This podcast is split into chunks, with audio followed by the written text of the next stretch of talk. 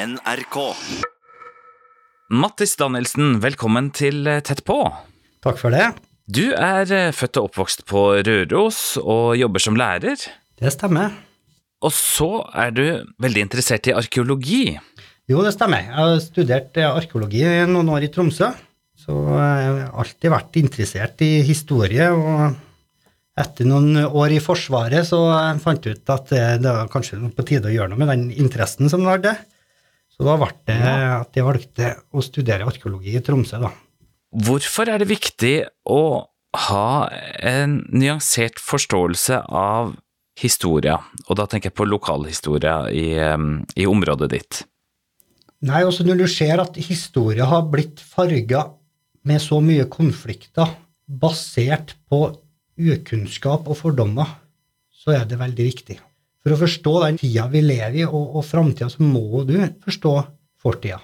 Så derfor er det viktig for hele lokalbefolkninga, ikke bare for det samiske miljøet. Du er jo oppvokst i reindrifta, og hadde muligheten til å overta, men det takka du nei til. Mm. Hvorfor det? Ja, det var litt flere årsaker. Men eh, for det første så må du være veldig sånn idealistisk eh, hvis du skal holde på med på reindrifta, for det hardt arbeid og eh, veldig mye utfordringer, så du må virkelig ønske det. Og da i den eh, tida da som jeg vokste opp på Røros på 80- og 90-tallet, så var det veldig mye konflikter og rettssaker. Faren min òg, som eh, kanskje ikke så så stor framtid i reindrifta på den tida. Kjøttprisene var heller ikke noe bra, så det var kanskje ikke at man så noe sånn særlig framtid i det. For min del så ble det så jeg valgte Forsvaret da, når jeg var gammel Ja. nok til det. Så da jobba jeg noen år der, og stortrivdes egentlig. Men så var det jo òg den der interessen som vi snakka om da, for å gjøre litt andre ting òg, og særlig den med historien, da. Og det, for det var noe som vokste på seg etter hvert, den der interessen der. Hva slags type rettssaker var det snakk om, da? Det var sånne eh, beiterettssaker om beitearealet, rett og slett. Og de rettssakene der har jo egentlig pågått i, i all tid. Og de eldre nå som driver distriktet i Santi City, da, og, og nabodistriktene, så har de jo sittet i rettssaler egentlig hele livet sitt. Og hvem er motparten, da? Nei, da er det ofte motstridende interesser, da, som eksempelvis jordbruket. Der blir en sånn næringskonflikt, da. For det er jo to helt ulike driftsformer som begge er avhengige av areal. da. Hvor sentralt har det her med historisk nærvær vært i de her rettssakene? Hvor mye er det man legger vekt på at den ene eller den andre næringen har vært her over tid? Veldig mye av de rettssakene går jo nettopp på det, på alderstids eh, hevd, og om, om man har noen historiske rettigheter til området. Det har jo en stor betydning, eh, har hatt, og det vil jo fortsatt antageligvis ha det. Når jeg vokste opp, så ble det jo presentert med egentlig to ulike verdener, for jeg vokste jo opp både i en norsk verden og en, og en eh, samisk eh, reindriftsverden, om man kan kalle det det. Eh, For jeg gikk jo Ja. på skole på Røros, og eh, sånn i ettertid så tror jeg jeg har hatt veldig godt av å liksom ha den der lokale tilknytninga, men likevel kunne se òg fra et samisk perspektiv. Da. Hvordan var de her to verdenene forskjellige, da? Det syns jeg er litt spennende. Man eh, var norsk på sett og vis store deler av året, og i andre deler av året som levde man i en, i en samisk verden, der det var eh, skillinger og merkinger og slaktinger, og forholdt seg til de samiske arbeidskollegaene og slektningene. Og, og man fikk eh, to ulike, ulike kan du si, verdisyner. Men hvis du tar sånn den historiske framstillinga, så når han er oppvoksen på Røros, så ble han veldig godt sånn drilla i gruvehistoria. For Røros er jo en, en bergstad. Den lokale historia, det var liksom kobberverkets historie med jordbruksrelaterte tilleggsnæringene eh, oppå der. Så, så det var jo det både skolevesenet og de lokale hadde kompetansen i, ikke om det samiske. Og, og samtidig den forskninga på, på samisk historie har jo den er jo ganske ny. Det er ikke noe man har brukt veldig mye ressurser på. Det har ikke vært viktig i den der kan du si, nasjonsbygginga av Norge og, og, Norges identitet. Her på Røros så var det en sånn oppfatning om at samene kom på 1600-1700-tallet, og kom innvandrerne omtrent som et sånn ja, fremmedelement. da. Mens i den samiske verdenen, da, der hadde en, har du liksom de muntlige tradisjonene og, og landskapet som, spiller en stor eh, rolle i den samiske tradisjonen. Og både den muntlige tradisjonen og landskapet visste jo høyst tilstedeværelse, og en gammel tilstedeværelse. Og tradisjonsbærerne de forteller om at man har jo alltid vært her. Det ble veldig motstridende, det der. Hva er det som er riktig? Og når du er ung og søkende, og sant, du begynner å skal forme din identitet, så blir det vik veldig viktig med røtter. Og så å vite hva du kommer ifra, hva du hører til. En, eh, og, så, så, det ble nok en sånn liten sånn eh, drive både i å søke identitet og, og, og, finne ut om sine forfedre. Det du var innom nå, Mattis, er det det som blir kalt for fremrykkingsteorien? Det at samene kom til området i relativt sett nyere tid? Ja, det er bra du nevner, for den, den fremrykningsteorien sånn i, i hermetegn Det var jo en teori som ble lansert av en eh, ja, historiker, geograf, som heter Yngvar Nilsen. Han fikk et stipend da, for å reise rundt og undersøke samiske forhold fra Namdalen og så ned til Røros, da, inn mot Sverige. Og eh, det var ikke noe stort undersøkelsesarbeid. Men det var et arbeid som skulle få store konsekvenser, både den samiske reindrifta og den samiske befolkninga. Hvordan da? Nei, Ut ifra hans undersøkelser så fant han ikke belegg, da, så, og det gikk på offerplasser og, og, graver og samiske stedsnavn. Det, det fant ikke eh, særlig ikke ned mot Røros, da, som mente han ikke kunne finne det. Og på bakgrunn av det så, så ble det lagd en teori da, om at den samiske, sørsamiske befolkninga her på Røros de kom flyttende sånn på 1600-1700-tallet eh, først.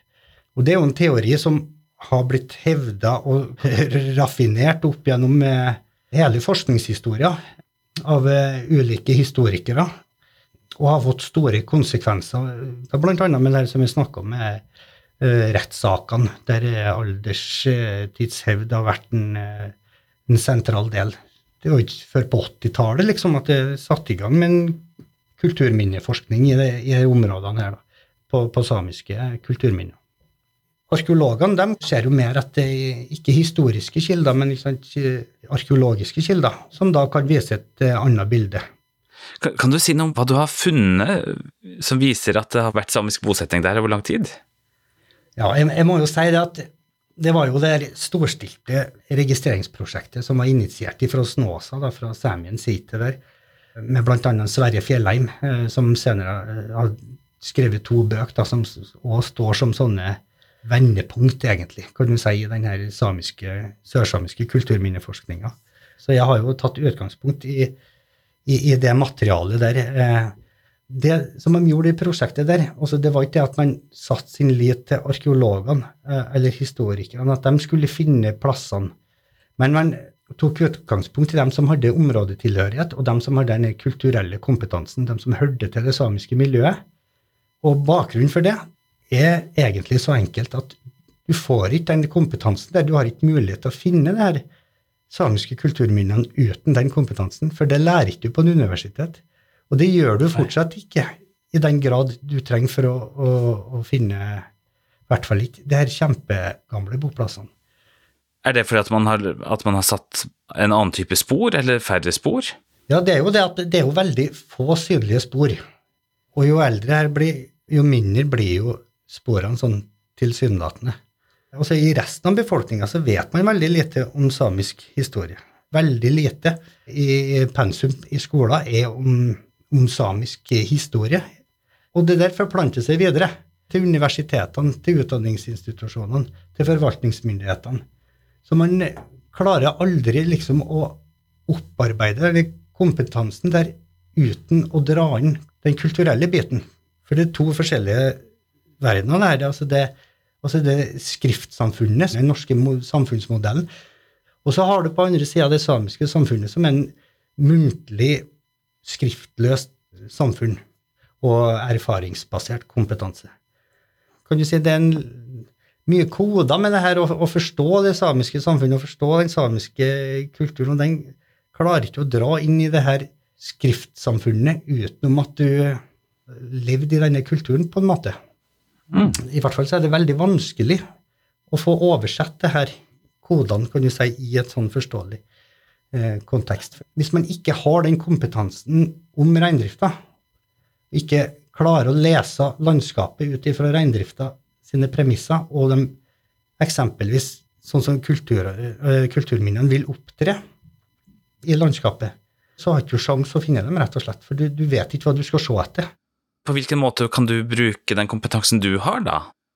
Hvis du tar eksempelvis en boplass, da, så er det en mm. rekke ulike kriterier der for eh, hvor man la her boplassene. Og da er det jo sånn i sentrale områder for reindrifta, enten i, trekkleiene i, i, nærheten til der, eller der det er godt beite. Og så har du mer her detaljnivå, altså de ligger på sånne tørrbakker, eh, godt drenert tilgangen til trevirke, både til å bygge trøer, altså sånne samlingsgjerder eh, for en, å, å bygge gammer. Eh, ildsted er jo veldig sentralt i, i det samiske tradisjonen. Så det er kriteriene her, da, det, det, kan du si, det, du må, det er dem du må forstå for å klare å lokalisere dem. Du skal ikke gå lenger enn til 100 år tilbake, så vil ei torvgamme den bli ganske usynlig. Går du 200 tilbake, så blir den enda mer usynlig. og hadde vært ulike byggeteknikker, blant annet. Men uansett så vil det her gå tilbake til naturen på et eller annet tidspunkt. Og når du begynner å komme tilbake, kan du si sånn som utover 1600-tallet og, og, bakover det, så da blir de veldig usynlige, altså. Det er nesten ofte at man bruker bare vegetasjon, kan man bruke som en uh, leteindikator, der, der ildsted, blant annet, det skaper at det blir eh, veldig så næringsrik jord, og sammen der er rena beter, og da vil du få en annen vegetasjon. Mer gras, rettere bjørker og tre, og, og det, det, kan skille seg ganske ut. Og det, det man trener seg på å se, egentlig. Det er sånn detektivarbeid, det her. Ja, det er det. For at du må, først så må du lese landskapet og liksom prøve å forstå hvor du er i landskapet, og, og prøve å forstå den ut ifra de her ulike kriteriene. Og så kan du begynne å gå litt sånn nærmere innpå, finne boplassene, finne alle andre kulturminnene som har tilknytning. da. Både til boplassene, men også til det reindriftsrelaterte, eller det åndelige, eller det, ja, det som har tilknytning til den samiske kulturen. Så det kan jo være alt fra offerplasser, graver, boplasser, mjølkegroper, som da en spesiell kategori i reindrifta, og kanskje mye her sørpå, der mjølkebruket var utbredt sånn fra 1800-tallet og, og, bakover. da. Som det her Mjølkegropa det er noe som, som, kan være ganske synlig, at du ser at her er det gravd, her er det gjort noe. Her er, her er kultur og ikke natur. Men da, hvis du ikke har kunnskapen f.eks. om her i reindrifta, da vil du tolke til noe annet. Ja, kan det bli tolka som eh, skyttergrop eller eh, fangstgrop eller noe som man ikke vet. da. Det virker som at det kan være krevende da, å konkludere med om det har vært norsk eller samisk bosetting enkelte steder? Ja, det er jo krevende. Eh, og i, eh, i arkeologien også, så, blir det jo, eh, og i historie og i egentlig ganske mange vitenskaper, så er man litt avhengig av sannsynligheten for at det er det ene eller det andre. Og man må kunne liksom argumentere for den sannsynligheten. Hvis du finner ei rund tuft i Sør-Norge, så har du mye større bevisbyrde enn om den samme tufta har ligget på Saltfjellet. Ja vel, hvorfor det? Nei, for det er antatt. Det har forplanta seg at det har ikke vært samer i, i Sør-Norge sånn lenger tilbake, da. Og det, det, er liksom en sånn antagelse som er både ubevisst, eh, kanskje, og, og, noen plasser bevisst òg. Men man har ikke forskninga til det. Man har bare antatt at man har vært litt sånn farga av de her teoriene i forskninga som har vært før. Sjøl om du har masse indikasjoner, både gjennom stedsnavn, kulturminner, mange andre ting, og det har kanskje aldri vært sett på med, hvis du kaller samiske eh, briller, da. Sånn som er forskninga nå, så, så, mener man den samiske identiteten, da, kan du si, oppstår i tida like før Kristi fødsel i Nord-Norge. Og så er det veldig rart at man skulle ha brukt mange tusen år da, på å komme seg ned til Sør-Norge, når du egentlig ser fra fjell til fjell. Og her på, her på Røros du, du ser jo til Gudbrandsdalen. Du ser jo Rondane og noen fjell bak der som er i Gudbrandsdalen. Det, det er jo ikke lange veien, så det, i min verden så er det ganske utenkelig at så lenge du har forholdene til det, at de er optimale og reintrekkene, du har kan du si, det, det som den reindriftskulturen og fangst, tidligere fangstkulturen eh, krevde, og du, du, ser at du har de optimale forholdene på fjellet bortafor, så er det veldig rart at du skulle ha brukt mange hundre år eller aldri dratt til de fjellene der. Jeg er ganske sikker på at vi etter hvert nå vil finne mer i helt andre i områder i landet. Hvor gamle funn har du gjort, da, som eh, du mener beviser at det har vært samisk bosetting langt tilbake? Jeg ble med i et prosjekt i, i Forelhogna, da. Og da eh, så jeg egentlig veldig mye etter de her boplassene som lå litt overfor skogbandet. Etter hvert så begynte vi å finne de boplassene i områdene her òg, men det var ikke noen tradisjoner knytta til dem. Antageligvis så, så, var de eldre, da, og det fikk vi jo bevisst blant annet eh, med at vi tok en sånn C14, eller det ble tatt en sånn C14-datering av ei tuft der i et område som var kjent fra slutten på 1800-tallet med samisk bosetning. Men så fant vi ei tuft innimellom andre tuftene der som så litt annerledes ut. Og så ble det foretatt ei C14-datering senere, og midt imellom tuftene da, fra slutten på 1800-tallet så var det ei tuft fra vikingtid. da. Den var 870 til 985 var den datert. Akkurat. Så godt over 1000 år. Og det må jeg si litt sånn som vi snakka om, altså hvordan kan man hevde at det er en samisk boplass? Det er jo annet det her gammeltuftene og det her det folket og den kulturen man kjenner, som har det, det er i dag samene. Og det kan du trekke i kontinuitet bakover ved hjelp av ulike kilder, langt tilbake.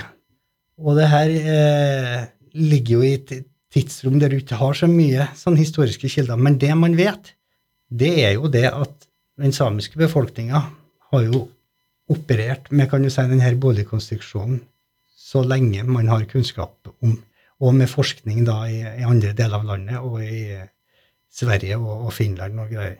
Det her har man en eh, visst materiale på. Men det, det, som er spesielt, er jo å finne det i områdene her sørpå, der det har aldri vært kommunisert så langt tilbake. Vi hadde jo et annet prosjekt òg noen år senere, og der òg fant vi boplasser som vi fikk datert, som vi fortolker til å være samisk. altså De ser akkurat ut som grunnplanet på samisk eh, gammetufte. Og der òg var dateringene innen vikingtida. Det var oppe i Tydalen, da, eh, inni noe som heter Skarsfjella. Eh, og det er noe som heter Skardøra. Det er et sånn fjellpass som går fra svensk side og, og over til Tydalen. Det her vi fikk, da, det her eh, dateringene, de var jo fra 768 til 890 og 776 til 975. Altså helt på begynnelsen da, av vikingtida. Og det var to boplasser tett ved siden av hverandre, kanskje en eh, ti meter avstand. Og de var helt sånn usynlige på overflata. Vi kom til denne flata og så at her fyller mye av boplasskriteriene. Her har vi en kilde like ved. Her har vi trevirke. Eh, så gikk vi over den flata og fant ingenting.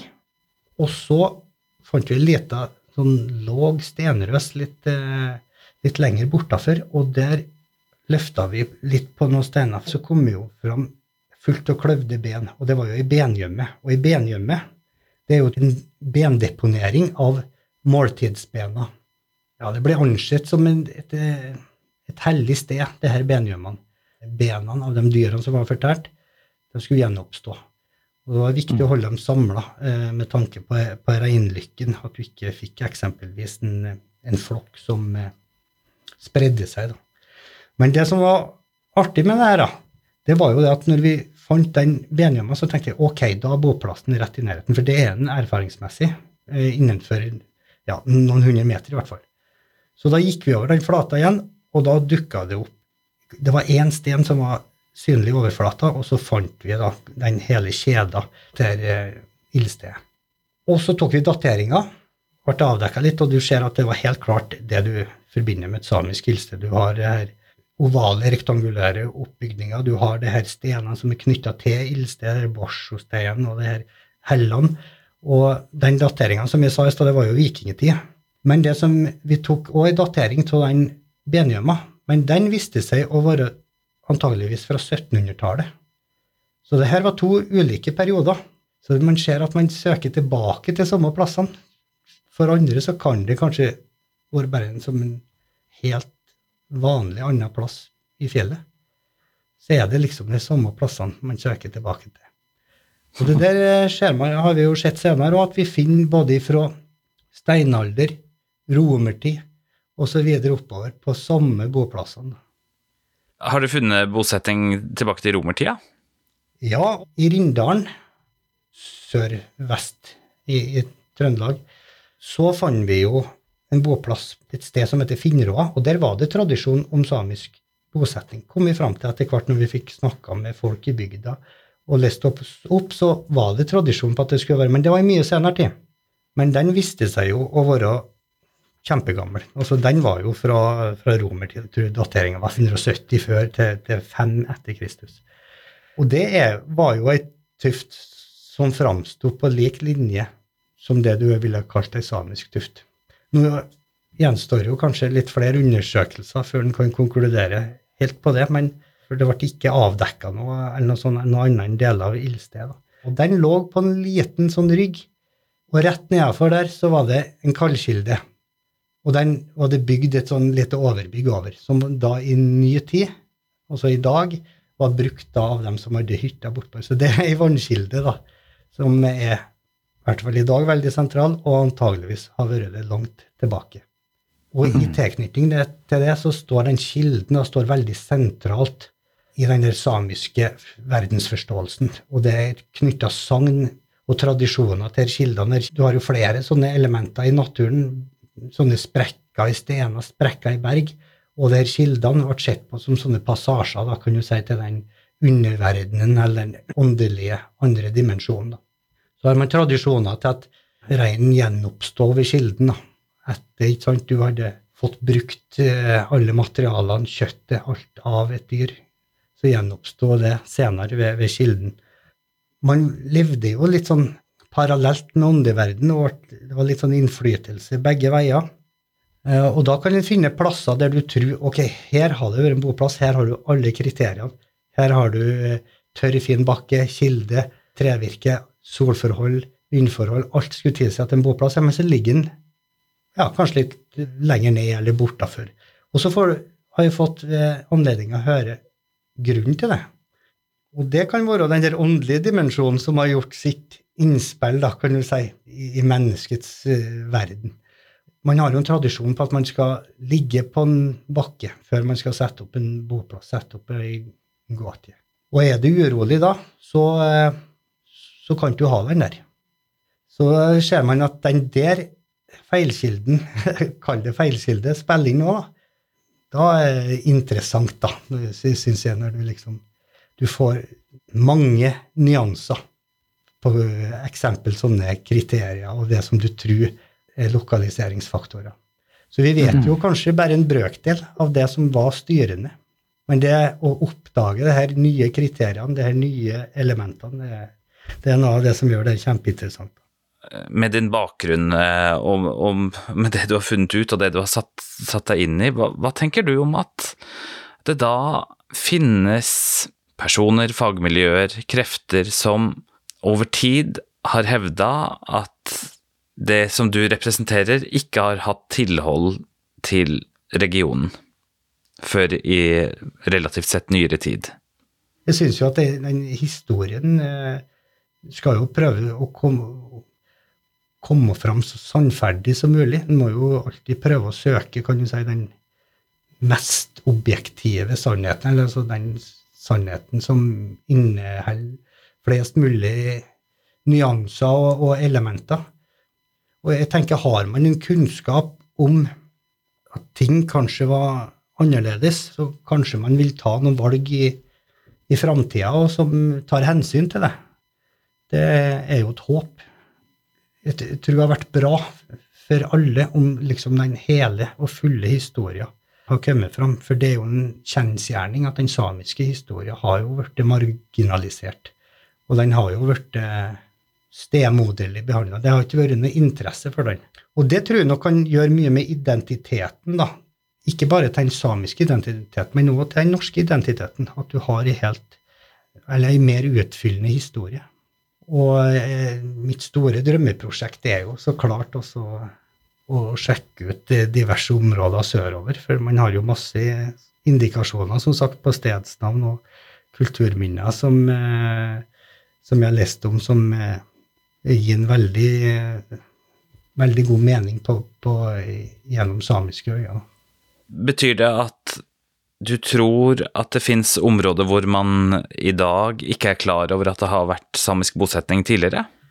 Ja, eh, på bakgrunn av det jeg sa, at jeg tror det er helt usannsynlig at de har forflytta seg så kort på så lang tid, eh, når det er så fine områder for jakt, fangst sørover. Så tror jeg helt klart det. Og eh, du har mye stedsnavn, ikke bare det her Finn-navnene som kan da henspeile på samisk befolkning, men du har òg mye stedsnavn som kanskje gir god mening på, på samisk. Så det er veldig mange områder, og bl.a. i historiske kilder og i bygdebøker. Mange sånne tradisjoner som er kan du si, litt sånn detektivarbeid å, å finne fram til, men som, som forteller om da samer ikke utafor Drammen og på Vestlandet og ja. så det er ganske De, de kommer jo fra eh, et sted, det her sagnet òg. Men eh, samtidig så må man opparbeide seg en sånn kompetanse i de områdene som man vet at det har vært i nyere tid, og at man kan trekke det lenger tilbake. Altså man har historie, eller kilder som går tilbake. Så må man opparbeide seg en kompetanse på de kulturminnene og det som man kan knytte til, så man har en større sannsynlighet for å kunne hevde det man, eh, det man tror. da. Så jeg ser gjerne at, uh, at, man har fått det her inn i fagmiljøene. Den her kulturelle kompetansen, og i hvert fall et sånn mye større samarbeid på det. Du har brukt mye energi og tid på å fordype deg i det her. Skal du prøve å drive med det her på, på heltid, eller? Det har jo vært drømmen å kunne gjort det. Jeg trives godt som lærer, og jeg har jo unger som har den samiske læreplanen, og så jeg får jo formidla mye av det òg.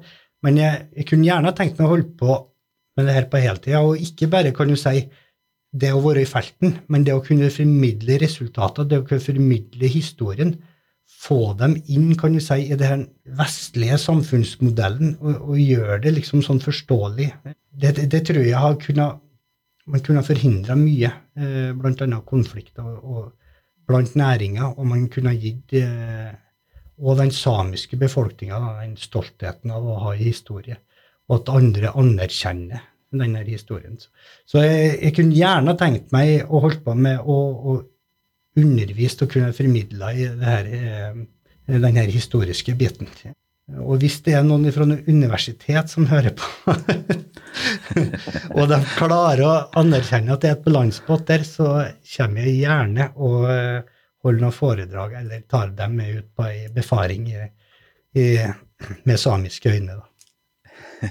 Vi får se hva det fører til, uh, Mattis Danielsen. Tusen takk for at du var med i Tett på. Det var bare trivelig. Jeg heter Svein Lian Tett på fra NRK Sápmi er produsert av 1 til 1 Media.